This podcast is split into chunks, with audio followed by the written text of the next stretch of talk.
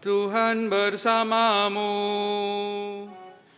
dan bersama rohmu. Inilah Injil suci menurut Yohanes.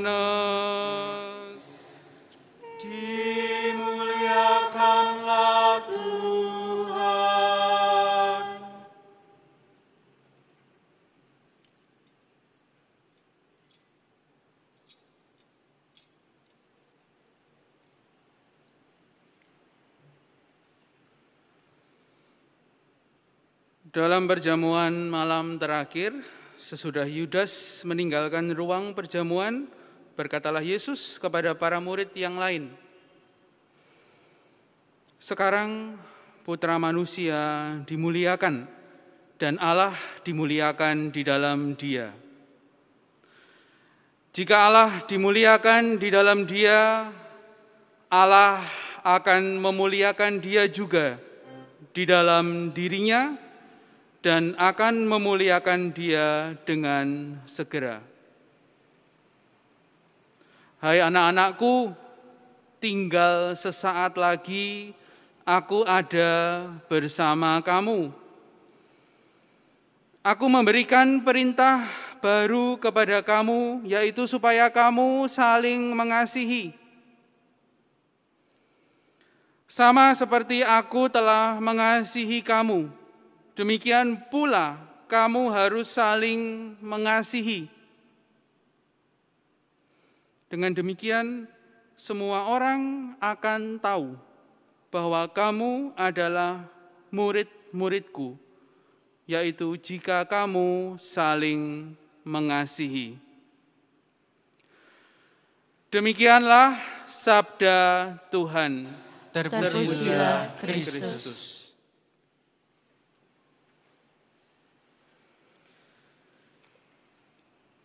Ibu bapak, saudara-saudari, adik-adik yang terkasih,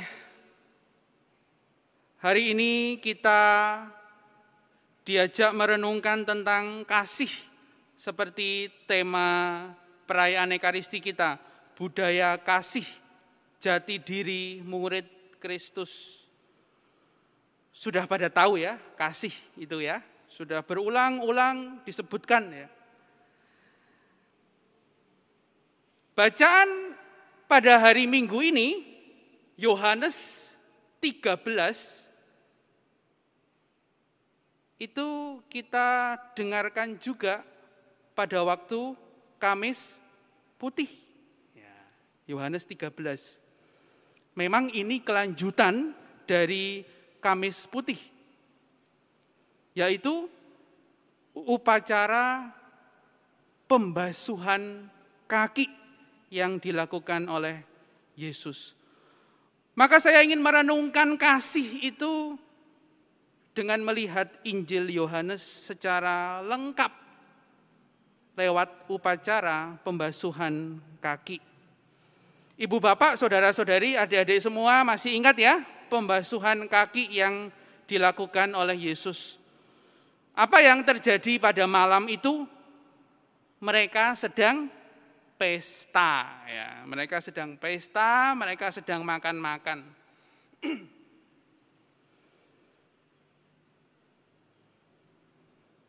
Ketika di tengah-tengah pesta apa yang dilakukan oleh Yesus?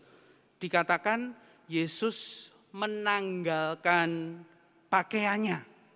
Pakaian orang zaman dulu itu seperti saya ini ya.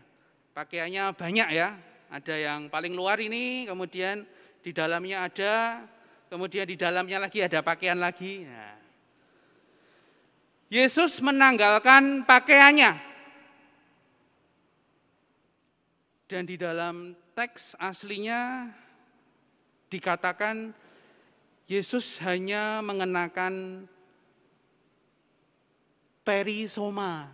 Ya, perisoma itu pakaiannya budak seperti apa pakaiannya budak? Saya tidak bisa menggambarkannya, tapi menurut catatan sejarah pakaian Yesus yang digunakan saat membasuh kaki itu mirip pakaian waktu Yesus wafat. Mirip seperti itu. Nah, Itulah kenapa Petrus protes, ya. Itulah kenapa Petrus protes.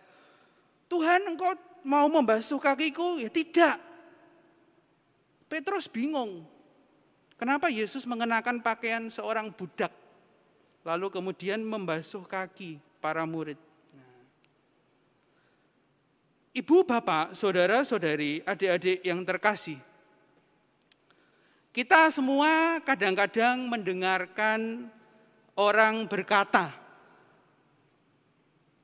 kalau kita itu orang Kristen yang diberkati Tuhan, maka kita akan sukses. Maka kalau hidup Anda sukses itu hidup Anda diberkati oleh Tuhan. Katanya begitu. Tetapi sore hari ini saya akan mengatakan, Hati-hati dengan ajaran seperti itu Ibu Bapak, Saudara-saudari, adik-adikku yang terkasih. Identitas jati diri murid Kristus itu adalah yang dilakukan oleh Yesus. Yesus membasuh kaki para murid. Yesus melayani para murid. Itu identitasnya.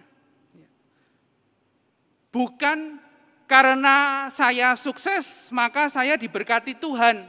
Itu tanda saya diberkati Tuhan. Berarti kalau Anda tidak sukses, Anda dikutuk oleh Tuhan.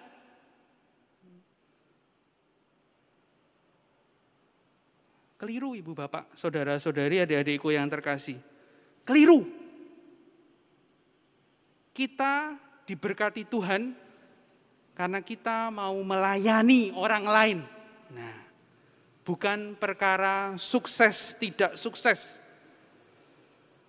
Ya memang ada orang yang beruntung bisa sukses. Ada orang yang hidupnya berkecukupan, biasa-biasa saja. Ada pula umat yang hidupnya sangat terbatas. Ya. Tapi semua diberkati Tuhan Ibu Bapak, Saudara-saudari, adik-adikku. Identitas Anda adalah kalau Anda melayani, bukan kalau Anda sukses. Ya. Maka di dalam kisah pembaptisan dilanjutkan apa yang dilakukan oleh Yesus. Setelah Yesus selesai membasuh kaki para murid, apa yang dilakukan oleh Yesus? Yesus memakai kembali pakaiannya. Tapi orang tidak teliti membaca kisah itu. Ada yang tidak dilepas oleh Yesus celemeknya tidak dilepas ibu bapak, saudara-saudari, adik-adik yang terkasih. Waktu Yesus mau membasuh kaki para murid, dia melepas pakaiannya dan mengenakan celemek. Setelah Yesus mengenakan pakaiannya kembali, apakah celemeknya dilepas? Tidak dilepas, tetap dikenakan. Artinya apa? Artinya orang Kristen pengikut Kristus harus siap untuk melayani.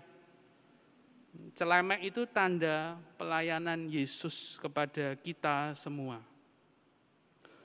Maka sore hari ini saya ingin mengajak Anda semua.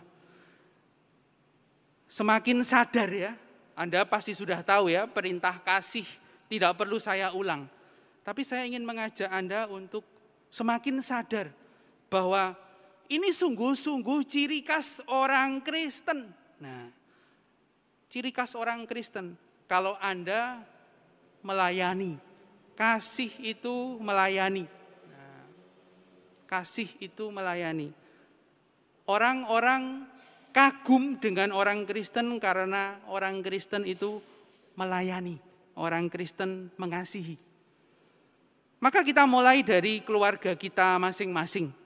Bapak melayani ibu, ibu melayani bapak, orang tua melayani anak-anak, adik-adik melayani orang tua. Saling melayani, saling mengasihi. Kalau ibu biasanya galak, ya sekarang galaknya dikurangi sedikit. Nah, kalau bapak biasanya tidak peduli, tidak pedulinya dipinggirkan, semakin peduli. Kalau adik-adik cuek pada orang tua, sekarang cueknya dihilangkan. Lebih memperhatikan orang tua. Nah, maka mulai dari hal kecil kita belajar mengasihi, kita belajar melayani. Maka itu identitas kita sebagai pengikut Kristus. Maka ibu bapak, saudara-saudari, adik-adikku, kita mohon rahmat Tuhan agar kita benar-benar berani semakin mengikuti Yesus. Yesus yang sungguh-sungguh mengasihi kita. Maka kita juga mau mengasihi satu sama lain. Amin.